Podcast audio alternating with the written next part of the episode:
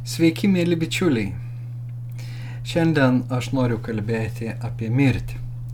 Teisių žmonių nepelnytą mirtį, kai juos nužudo kiti. Kankinystė yra krikščioniškas terminas, krikščionių kategorija.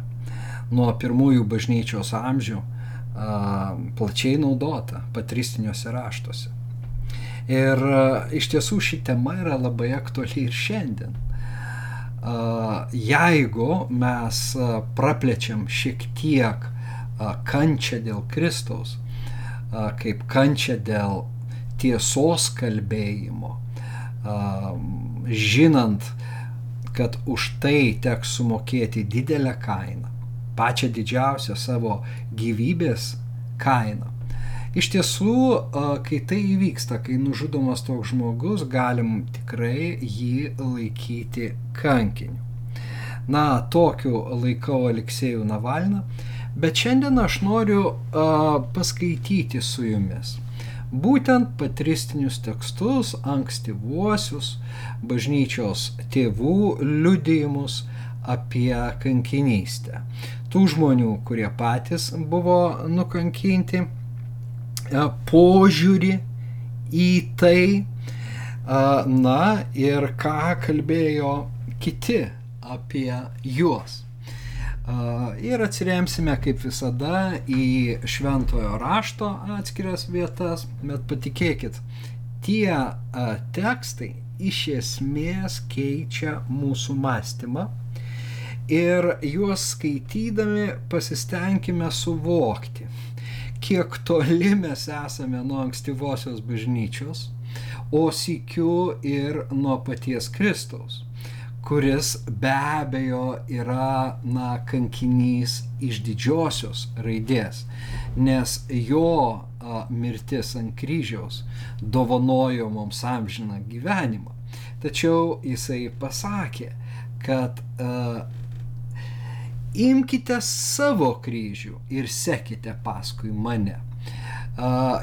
Jums bent kai kuriems teks nueiti tą kelią. Ir mes dažnai va, tą nustumėm, praleidžiam ir tokiu būdu gyvename, na, netiesoje, kažkokioje, kažkokioje susikurtoje realybėje, kuri netitinka evangelinės tikrovės. Jau nekalbant apie daugybę doktrinų, kurios apskritai kančią nori išstumti iš mūsų gyvenimų.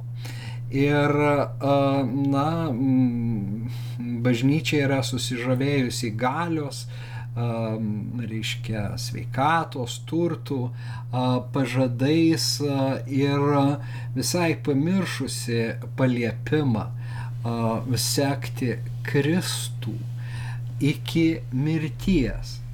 Ir, na, um, pradėkime nuo e, dažnai cituojamos frazės, kuri yra e, priskiriama Tertulionui ir jinai skamba taip. Mes daugėjame, kaip jaunate, kaip derlių mus. Krikščionių kraujas yra sėkla Na, dažnai yra cituojama, kad kankinių kraujas yra bažnyčios sėkla, bet tai yra laisvas, iškreiptas iš tiesų šios minties perfrazavimas. Jis skamba apologetikus Tertuliono tekste būtent taip, kad mes daugėjame ir tai yra krikščionių persekiojimų metu, kai ne vienas ganytojas mirė kankinio mirtimi, pradedant apaštalais ir po to kitais. Į uh, du iš jų mes pažiūrėsime atidžiau šiandien. Taigi, kai mus pjaunate kaip derlių, iš tiesų mes krentame į žemę kaip sėklos.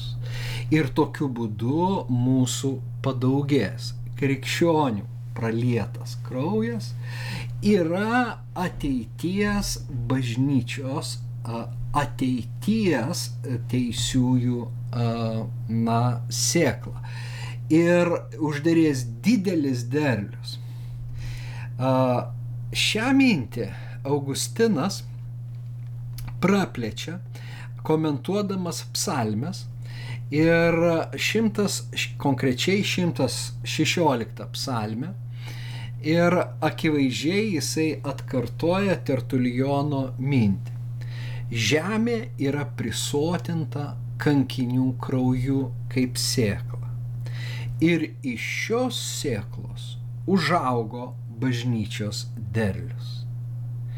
Kankiniai vaisingiau apgynė Kristaus bylą mirę, nei būdami gyvi.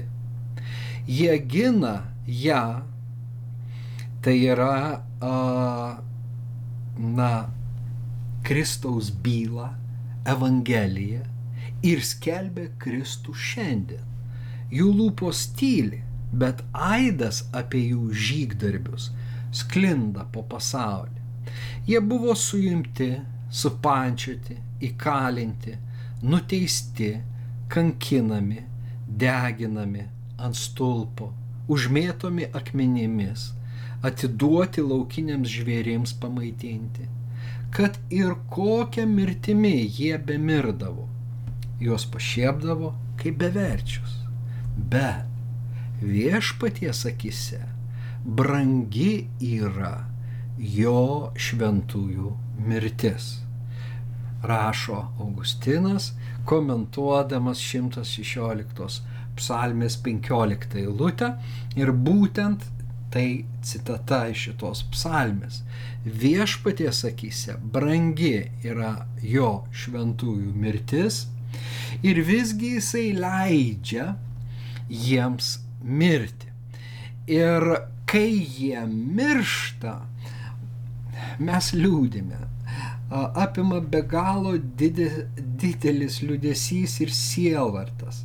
Dieve, kam tu leidai a, tokią neteisybę, kad žmogus kovojęs už tiesą a,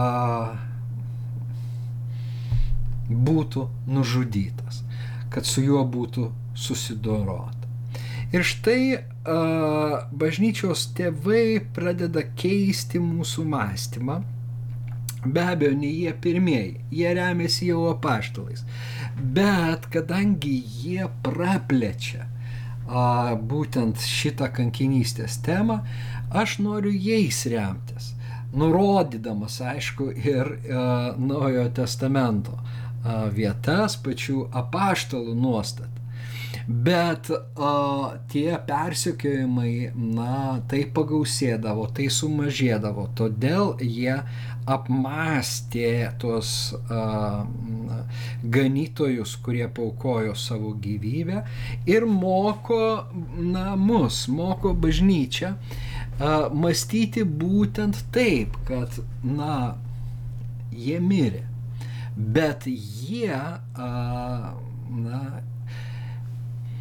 garsiau kalba apie Kristų, apie tiesą būdami mirę, nei uh, gyvi.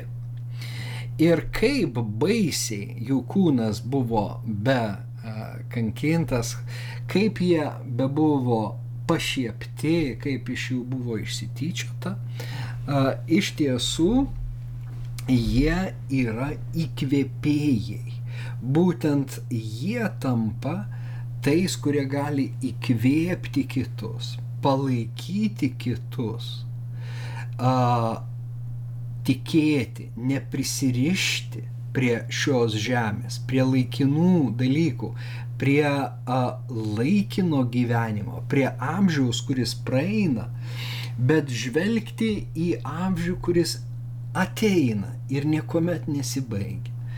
A, žiūrėti į Dievo karalystę. Na, a, iš tiesų, pirmas bažnyčios tėvų kankinys yra Ignatas Antiochietis. Ir būtent pirmas mūsų laidoje. Ir jis parašė iš tiesų, na, galbūt ignotas reikėtų. Ne Ignatas, bet Ignotas. Aš čia suklydau, uh, nes remiuosi angliškais tekstais pagrinde ir ten yra Ignacijus, taigi Ignotas bus Antiochietis. Iš, ir jis parašė septynis laiškus, kai buvo gabenamas į Romą tam, kad ten būtų atiduotas žvėrims sudraskyti. Šešis laiškus bažnyčioms skirtingų miestų ir vieną laišką Polikarpui. Būtent Polikarpas bus mūsų antrasis asmo, antrasis kankinys, apie kurį mes šiandien pakalbėsim.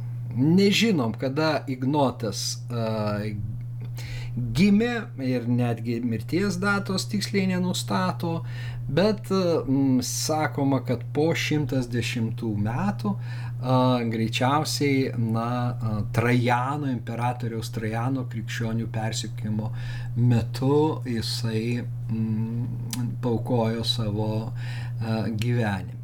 Bet mes paskaitysime ištrauką iš, ištraukas net kelias iš jo laiško romiečiams. Taigi įdomu, kad ne tik Paulius rašė laišką romiečiams, bet štai ir Ignotas Antiochietis.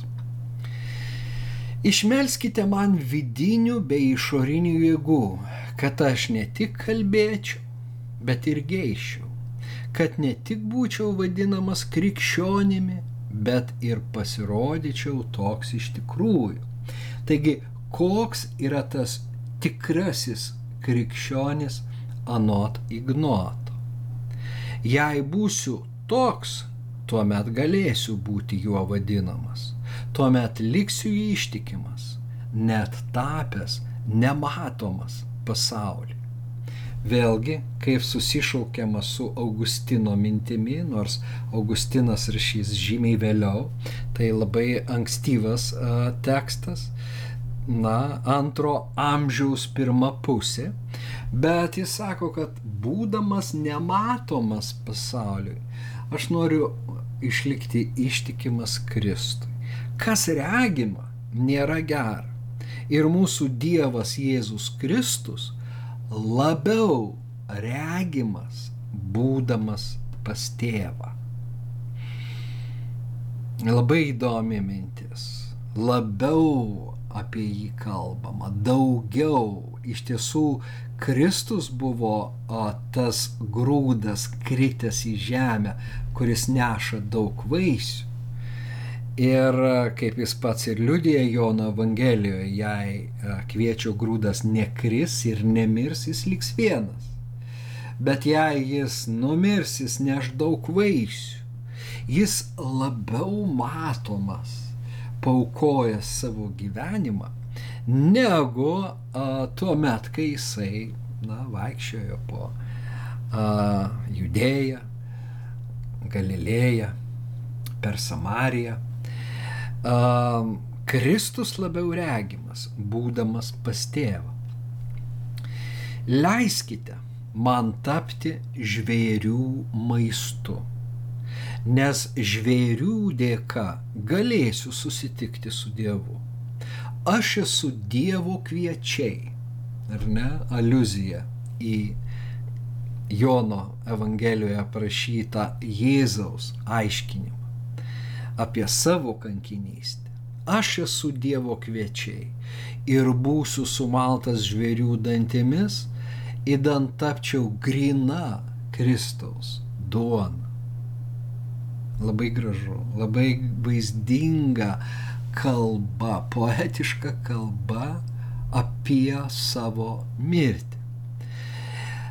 Ir Ignoto troškimas yra tas iš tiesų jis prašo romiečių netrukdyti jam būti atiduotam, na, reiškia, egzekucijai, ne, kuri tuo metu vykdavo Romos kolizėjai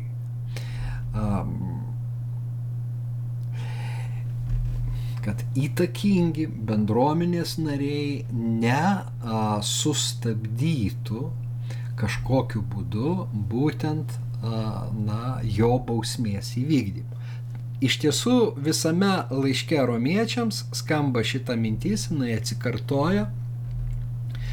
Ir a, todėl sako, verčiau paskatinkite žvėris, tapti man kapu ir nepalikti nieko iš mano kūno, kad užmygęs nebūčiau kam nors našta, nereikės manęs laidoti.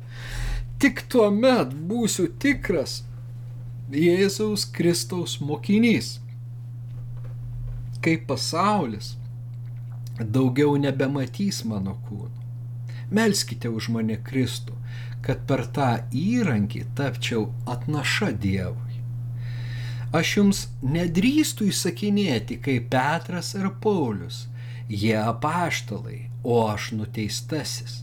Jie laisvi žmonės, o aš lygi šiol tebesu vergas. Tačiau kai būsiu iškentėjęs, aš tapsiu Jėzaus Kristaus atleistiniu ir jame prisikelsiu kaip laisvasis. O dabar, kol esu supančiotas, mokausi nieko daugiau nebegeisti. Na, šita nuoroda į Petrą ir Paulių Tyrėjų laikoma kaip įrodymas, kad Petras ir Paulius mirė kankinių mirtimi. Ir apie juos mes šį kartą nesiplėsime, nes yra labai nemažai įdomių uh, ir diskusijų, ir citatų, uh, vėlgi iš ankstyvųjų tekstų, apie, mm, na, tai kur mirė Petras, ar tikrai Romoje. Bet čia akivaizdžiai romiečiams rašydamas Ignotas sako, aš mažesnis. Jisai kaip Jonas Krikštytojas žeminasi prieš Jėzų, taip Ignotas žeminasi prieš apaštalus, Petrą ir Paulių. Ir, na, jie įsakė kažką panašaus, galima uh, suvokti. Bet aš tiesiog, uh, na, negaliu įsakinėti. Aš tiesiog jūsų prašau. Uh, na, labai, labai vėlgi gražus santykis yra ignoto. Na ir, ir, ir tie uh, įvaizdžiai, kad jis uh, tebėra vergas, bet per kankinio mirtį jis taps atleistiniu. Romos uh, įstatymas vergams uh, suteikdavo laisvę, jeigu šeimininkas norėdavo. Jis galėdavo suteikti jam laisvę ir tas vergas tapdavo atleistiniu. Na, žodis vartojamas Naujajame testamente, nors dažniausiai verčiame na, laisvasis. Jis čia gan gražiai pavarijuota, kad tapsiu Jėzaus Kristaus atleistiniu ir jame prisikelsiu kaip laisvasis. Taigi kankinystė turi prisikėlimo viltį. Kankinystė turi tikrojo gyvenimo viziją. Jinai eina už šio pasaulio ribų, už šios eros na, nubrėžtų laiko limitų ir žiūri anapus. Skaitome dar. Norėčiau pradžiuginti man paruoštus žvėris ir meldžiuosi, kad jie man pasirodytų negailestingi. Aš raginsiu juos mane kuo greičiau praryti, kad neatsitiktų panašiai kaip kai kuriems, jų išsigandę žvėris net nepalėtė. O nepanorėjusius jėga versiu. Dovanokite, bet žinau, kas man naudinga. Tik dabar aš pradedu būti mokiniu Niekas iš regimųjų ar neregimųjų dalykų ten nesutrukdo, kad tik pasiekčiau Jėzų Kristų. Kad tik pasiekčiau Jėzų Kristų yra apaštalo Pauliaus žodžių, kuriuos toj paskaitysime aidas. Tegu mane ištinka ugnis, kryžius, grumtynės su žvėrėmis, pjūviai, kirčiai, kaulų laužimas, sanarių žalojimas, kūno lamdymas, teniokoja mane pikti velnio kankinimai, kad tik pasiekčiau Kristų. Štai e, ką Antiochietis Ignotas rašo romiečiams. Na ir čia pat iš karto ateina tie Pauliaus žodžiai iš laiško filipiečiams noriu pažinti jį, jo prisikėlimo galę ir tapti artimas jo kentėjimas, kentėjimams numirdamas panašiai kaip jis, kad tik kaip nors pasiekčiau prisikėlimą iš mirusiųjų. Kad tik kaip nors pasiekčiau prisikėlimą. Noriu numirti panašiai kaip jis. Na, kai kas a, ignotą a, laiko tikrų fanatikų kai jis kalba na, apie tai, kad jisai labai nori tų žvėrių, reiškia, būti sudraskytas kad, na, jis juos erzins, jis juos privers uh, save uh, nukankinti. Uh, bet tai, ką galima praleisti, kad, na, jis tiesiog perfrazuoja Pauliaus žodžius, kad mūsų laikini kentėjimai ruošia mums neapsakomą šlovę. Ir a, tie laikini skausmai, kokie baisus jie bebūtų ir kai jis vardina tikrai be galo baisu, visgi ta būsima šlovė pranoks viską. Ir dar įdomiau yra, kad tik dabar taip mąstydamas aš pradedu būti mokiniu. Na, mes iškėlėm tą klausimą pačioje pradžioje, kad Antiochietis sako, kad aš noriu pasirodyti krikščionių iš tikrųjų, o ne tik būti juo vadinamas. Ir, na, koks yra tas tikras krikščionis? Tai va, pasak Antiochiečio, tikras krikščionis yra, na, kaip jis sako, aš dabar tik tampu mokiniu, kai taip pradedu mąstyti. Laužia mūsų mąstymą. Iš tiesų, reikia daug dalykų perikiuoti na ir nebebranginti savo gyvybės taip stipriai, kas mums yra be galo būdinga. Ir tai yra prigimtis mūsų, tai yra, na, prigimtinis instinktas išsaugoti savo gyvybę. O Jėzus savo mokinius moko, kas nori išsaugoti savo gyvybę, tas ją praras. O kas praranda mano gyvybę dėl manęs, ir Evangelijos, tas ją atras. Ir mes verčiam gyvenimas, na, ta psiche iš tiesų yra tas vidinis žmogus, jis apima visą mm, gyvenimą. Ir iš tiesų mm, negalime, pasirodo, branginti gyvenimo, yra už jį aukštesnių idėjų yra reali tikrovė, didesnė, į kurią kviečia mus viešpats. Ir taip svarbu, jeigu aš sakau, aš krikščionis, tai va, kiek artimas man ignoto mąstymas a, ir atskleis, kiek dar reikia aukti ir bręsti, kiek dar reikia keistis. Na, a, man gyvenimas Kristus. Tai apaštalo Pauliaus žodžiai. O mirtis yra pelninga. Nors tiesa, gyvendamas kūne dar vaisingai pasidarbuočiau. tad nežinau, ką pasirinkti.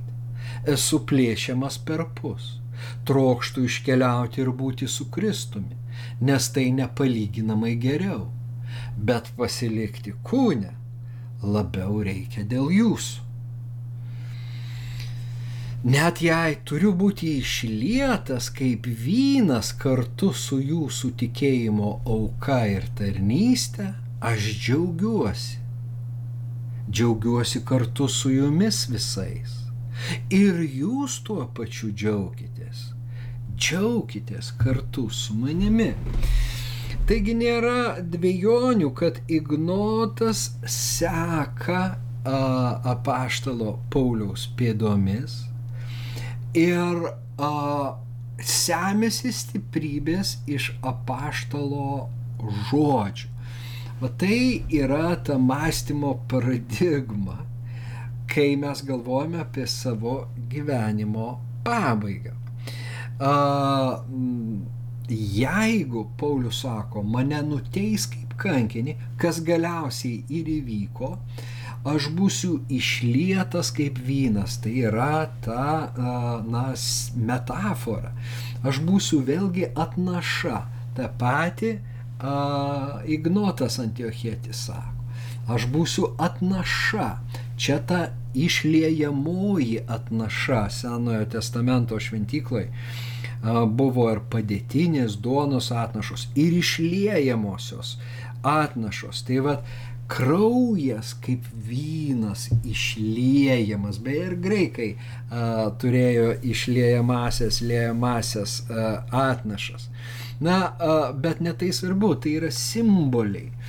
A, na, mano kraujas, ką a, reiškia atneš malonų kvapą, nes na, vynas sukelia malonų kvapą. Iš čia, kaip mes galime suprasti, krikščioniškoji tradicijoje vystėsi būtent ta mintis, kad kankinių kraujas atneša na, pa, malonų kvapą ir fiziškai. Ir susirinkusiai staiga užuodžia tai. Būtent tai toks stebuklas aprašytas mirštant Polikarpui, kuriam Ignotas adresavo vieną savo laiškų. Bet toliau krikščionių tradicijoje, na, um, šita gyja uh, viniojasi ir vis atsikartoja. Tai vieno stebuklo, tai kitokio uh, stebuklo pavydalu. Uh, Na, bet eikime tada jau, aš manau, prie Polikarpo Smirniečio. Jis gyveno maždaug 70-156 metais ir buvo sudegintas ant laužo 86 metų senolis kurį valdytojas įtikinėjo, nu, atsižadėk Kristaus. Taigi nėra taip sunku pasakyti, kad aš atsižadu ir tada atnašauti aukas Cezariui, imperatoriui. Čiagi niekis, nu tu senas žmogus, numirk garbingai. Ir a, Polikarpas Mirnėtis atsisakė. A, prieš skaitydami tai, ką parašė jo mokiniai apie jo a, mirtį, a, nes yra Polikarpo laiškų fragmentai išlikę ir yra būtent jo kankinystės aprašymas. Tai, na, štai šią prasme jis yra labai svarbus, nes yra tas, na, greičiausiai po naujojo testamento na, kaip sakykime, Stepono kankinystė yra paštalų darbų septintam skyriuje aprašyta, mm, Diakono Stepono. Tai čia mes turime jau tos antrosios kartos krikščionių labai vaizdžiai aprašytą kankinystę. Galbūt kažkiek sumitinta, bet na, labai, labai visgi mm, svarbę, svarbų liūdimą. Polikarpas Smirnietis yra minimas vėliau ne vieno iš tiesų autoriaus, patristinio autoriaus ir jį mini ir Origenas, ir Eusebijus. Kodėl? Todėl, kad Polikarpo autoritetą ypatingai sutvirtino tai, kad jis asmeniškai pažinojo apaštalą Joną. Ir taip pat Eusebijus rato, rašo, kad jis pažinojo kai kuriuos kitus mačiusius viešpati. A, tai va, tai jisai būdamas jaunas a, susilietė su pirmąja apaštalų karta. Tada jo mokinys Irenėjus, vėlgi labai žinomas bažnyčios tėvas, buvo vaikas. Ir jis rašo, kaip jis prisimena Polikarpą a, iš tiesų kokį a, įspūdį palikęs tas teisus žmogus ir kaip jis atsimena vietą, kur jis sėdėjęs. Na ir matome, kad vėlgi, reiškia, Polikarpas susilaukia daugelio pasiekėjų ir pirmosios krikščionių kartos lygiuojasi ir į apaštalus, bet einant laikui reikia naujų sėklų, reikia tų gyvų pavyzdžių, tų tikrų krikščionių. Ir Polikarpas buvo vienas iš jų. Štai ką rašo jo mokiniai. Stovėdamas už nugaryje, surištomis rankomis, buvo tarsi ypatingas avinėlis atrinktas aukai iš didelės kaimenės. Dievui paruošta miela atnaša. Žvelgdamas į dangų, jis kalbėjo. Laužas jau yra parengtas, jį norėjo prikalti, kad jisai, na, nepabėgtų. Jis pasakė, nedarykite šito, aš um, iškesiu, ir, na, jį vis tiek supančiojo, surišo. A, tai va, ir tada jisai meldėsi. Viešpatie visagali Dieve, tėve, mylimojo ir palaimintojo savo vaiko Jėzaus Kristaus, per kurį esame laimėję tavęs pažinimą angelų galybių bei visų kūrinių ir visos teisiųjų giminės gyvenančios tavo akivaizdoje Dieve. Šlovinu tave, kad šią dieną bei šią valandą teikėsi mane priimti į kankinių būrį, įdant turėčiau dalį tavo Kristaus taurėje amžinojo gyvenimo prisikėlimui su siela ir kūnų šventosios dvasios negendamybė. Na, labai gilus žodžiai, jie persmelkti, persmelkti Dievo pažinimu iš tiesų. Ir va ta a, dvasios poezija, tas dvasios įkvėptumas, a, jaučiamas, kaip jisai regi tą napusybę, kaip jis nusako dangišką tėvą, mylimo ir palaimintojo savo vaiko Jėzaus Kristaus, per kurį esame laimėję tavęs pažinimą. Na, be galo e, e, gražu, bet tada e, tu teikėsi mane priimti į kankinių būrį. Ne kiekvienas nusipelno šitos garbės, bet man teko šitą garbę būti vienu iš tavo kankinių a, įdan turėčiau dalį tavo Kristaus taurėje amžino gyvenimo prisikėlimu su siela ir kūnu, šventosios dvasios negendamybė. Be galo a, liečianti malda, ji tęsiasi te būsiu kartu su jais šiandien priimtas tavo akivaizdon, kaip miela ir priimtina auka, kokią esi iš anksto parengęs, parodęs ir įvykdęs, nežinantis melo teisusis Dieve. Štai tas vat, tiesos ir melo kontrastas. Jam sako, taigi saugok savo gyvenimą, sumeluok, kad tu ir tiki kitaip. Na, sumeluok, prakeikdamas Kristų. Kaipgi aš meluosiu, jeigu, ah, Dievas yra nežinantis melo, teisus. Todėl ir garbinu tave už visą, laiminu ir šlovinu per amžinai dangiškai vyriausiai kunigą Jėzų Kristų, mylimą į tavo vaiką, per kurį tau su juo ir šventąją dvasę te būna garbė dabar ir per busimuosius amžius. Amen. Na, a,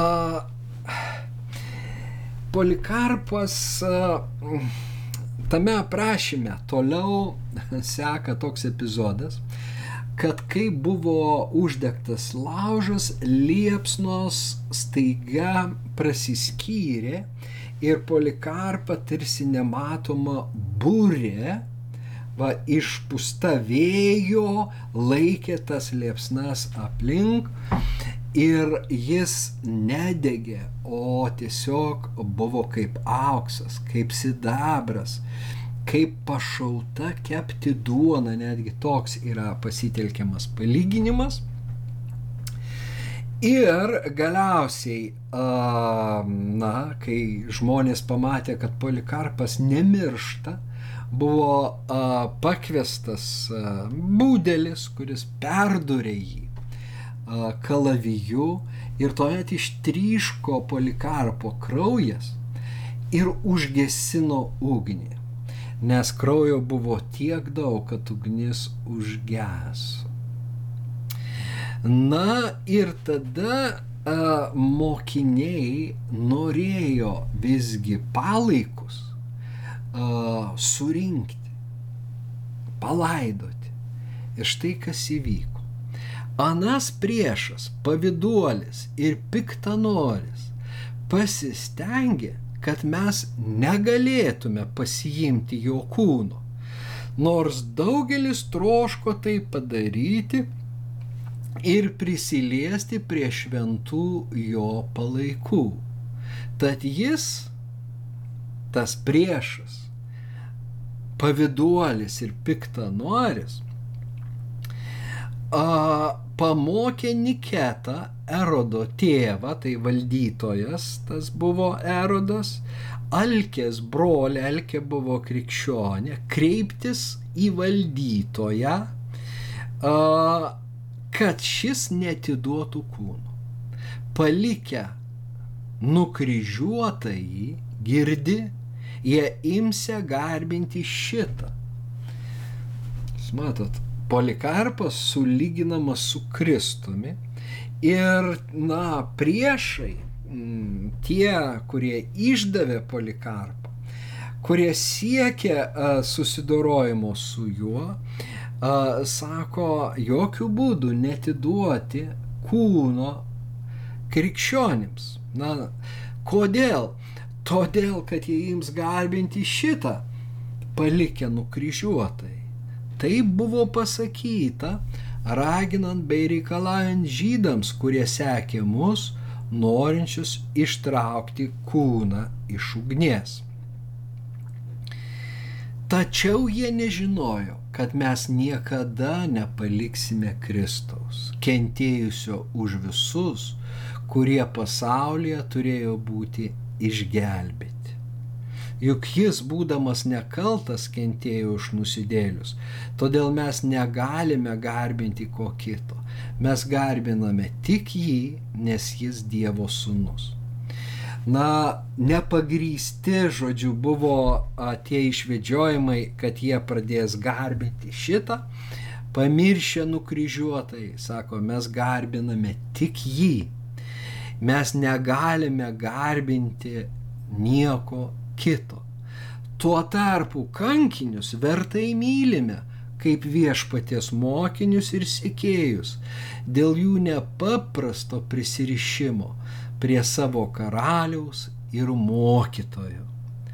O kad ir mes taptume jų bendražygiais ir bendramoksliais. Jūs matot, tapti kankiniu reiškia perkeisti savo mąstymą. Reiškia, na, daug mokytis viduje, kad, na, save peržengti, perlipti per savo prigimtį ir priimti mirtį ne tik tai, na, ramybėje, bet suvokiant, kad tai be galo didelė privilegija. O, kad ir mes taptume jų bendražygiais ir bendramoksliais. Ar šiandien bažnyčioje daug mąstančių, va štai taip, kaip polikarpo mokiniai? Žiūrėkite dar truputį toliau rašo.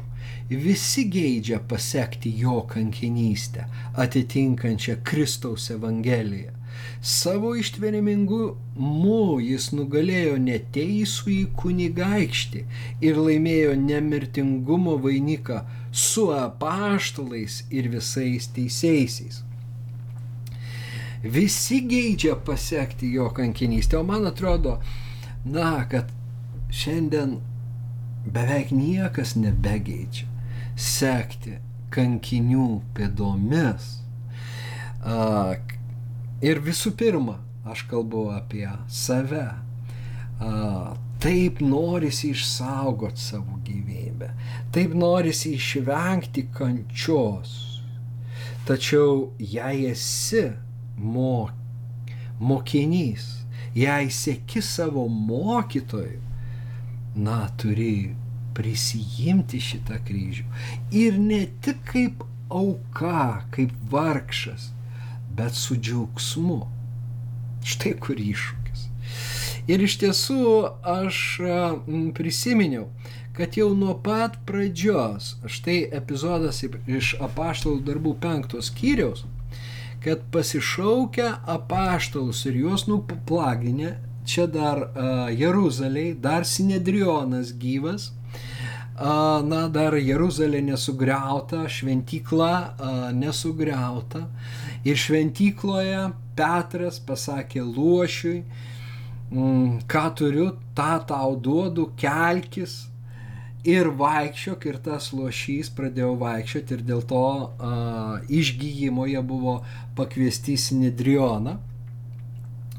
Na ir um, baigėsi tas epizodas štai taip, pasišaukė paštalus ir juos nuplagdinę, jie prisakė nekalbėti Jėzaus vardu ir juos paleido.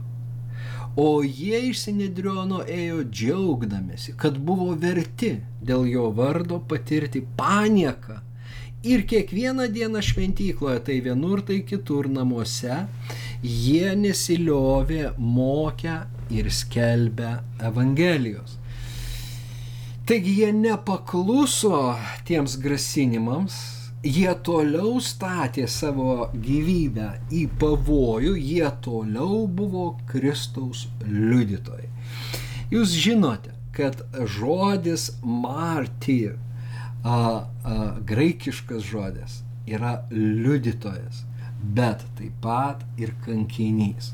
Ir būtent tarptautinėme žodynė, reiškia, kai graikiškas žodis kirto, na, tas savo kalbos ribas labiau prigijo būtent kankinio reikšmė. Ir Marti yra kankinys, liudytojas, kuris pasiruošęs būti nukankintas dėl to, kad žino, jog kalba tiesą.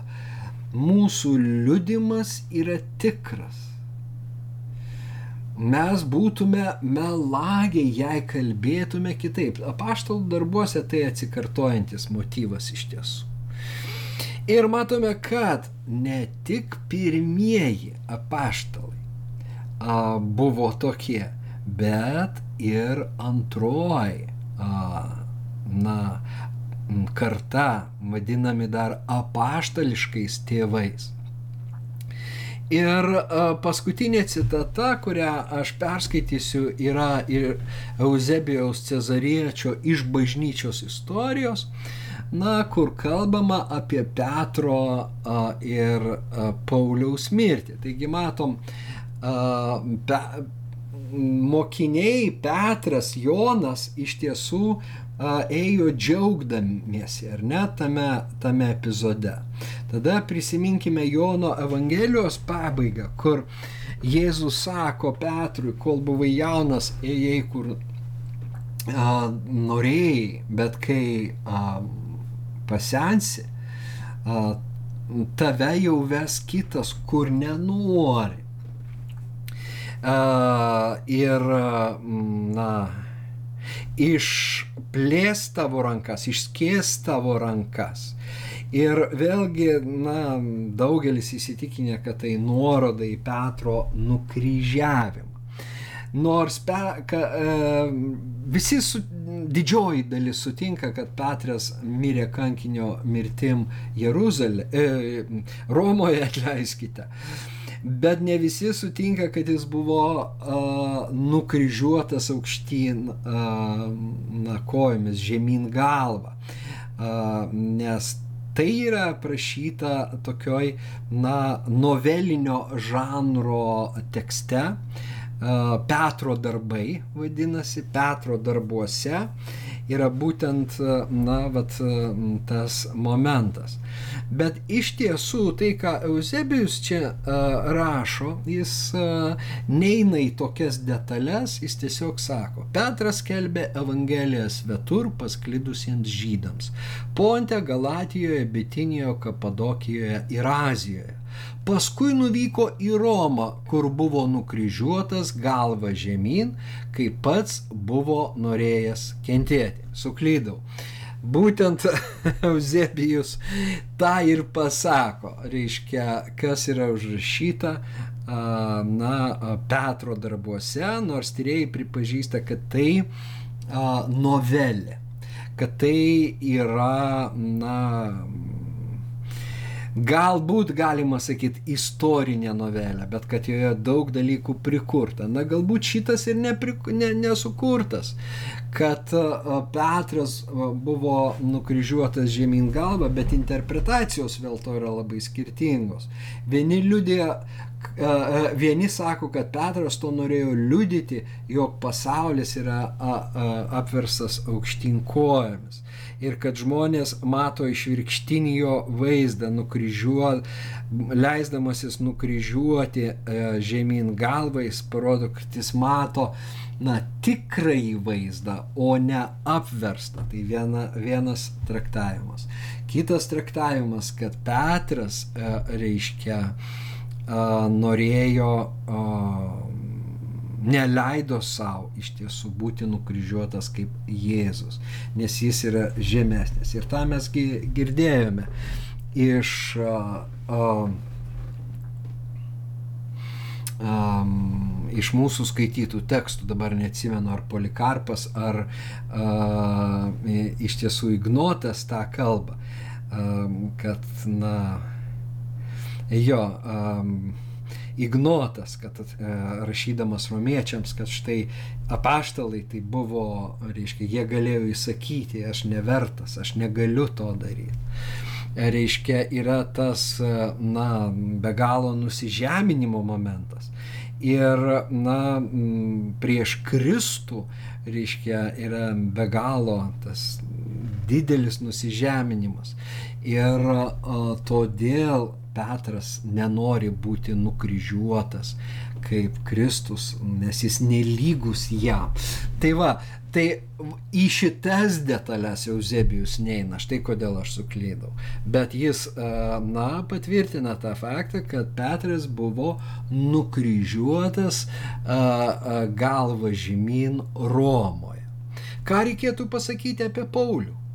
Pradėjęs įskleidė Kristaus Evangeliją nuo Jeruzalės iki Ilirijos ir galiausiai Romoje, valdant Neronui, mirė kankinio mirtimi.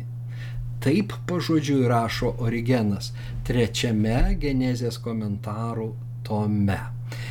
Na, a, Eusebijus pripažįsta, kad jisai tiesiog a, cituoja Origeną a, iš jo a, komentarų pradžios knygai. A, bet mes matome, kad a, apaštalai ir sakoma, kad praktiškai visi apaštalai išskyrus Joną mirė kankinio mirtimis. Ir tuo jie įrodė esą tikrais Kristaus mokiniais. Štai šitos mintis man teikia vilties tą niūrę a, dieną kaip vakar, kai buvo laidojamas Aleksėjus Navalnas. Uh, ir aš tikrai um, ne kažkaip nepaviršutiniškai vadinu jį kankiniu, nes tas žmogus kalbėjo tiesą. Taip, kaip kiti to padaryti nedrįs. Ir būtent jo pasiryžimas grįžti į Rusiją ir prisijimti kančias, kokios jos bebūtų, neprarandant vilties, tikėjimo ir džiaugsmo, ir yra a, įkvėpimo šaltinis visiems kitiems kuriems brangi tiesa. Ir jo mirtis iš tiesų perkelė jį, na, suteikė jam jau tą kitą statusą. Jis, jis buvo vertas būti priskaitytų prie kankinių. Draugiau užsižiebė tarsi viltis ir dėl tos Rusijos, kuri yra dabar pramirkusi a, krau, krauju dėl kraugeriško, na, nežinau, drakono slibino, baisaus žmogžudžio, na, pralobusio iš neteisėtos mamonos, kuris nesiskaito su žmonių gyvenimais, tiek savos tautos, tiek kitataučiais kurio mąstymas yra visai iškreiptas, kuris yra melagis nuo pradžios iki, iki galo. Ką jis kalba, tą jis meluoja. Ir visgi, vat, na, ten yra tauta, ištisa tauta. Ir kaip mano draugas, gyvenantis Rusijoje, man pasakė, Gedriau, žinok, kad tai gali ištikti kiekvieną tautą kad taip gali atsitikti su kiekviena tauta. Kitais žodžiais tariant, rusai nėra kažkokia prakeiktoji tauta. Taip kaip vokiečiai 20-ojo amžiaus, na, pirmoje pusėje, kai atėjo Hitleris į valdžią, buvo pavergti jo ideologijos ir tapo, na, ž, žudiko bendradarbiais ir dalyvavo a, tose nusikaltimuose, taip ir rusai šiandien dalyvauja nusikaltimuose. Bet jisai sako, tai gali ištikti kiekvieną tautą. Ir a, tame aš išgirdau tarsi prašymą, maldavimą, nenuteisk visų rusų supras, kad tarp jų yra kitokių žmonių. Ir štai, na, vakar, žiūrėdamas laidotuvės Navalno, aš mačiau tūkstančiai žmonių, dešimtis tūkstančių žmonių neša gėlės, eina atsisveikinti. Jie žino, kas yra tas Navalnas ir dėl ko jie jį gerbia. Na, viena moteris jos klausė, na, kas jums yra Navalnas ir jinai atsako, aš labai mažai domėjausi politiką. Bet kai susidūriau su Navalnu, aš pamačiau, koks jisai sąžiningas, kad jis myli tautą, kad jis nori ją gero,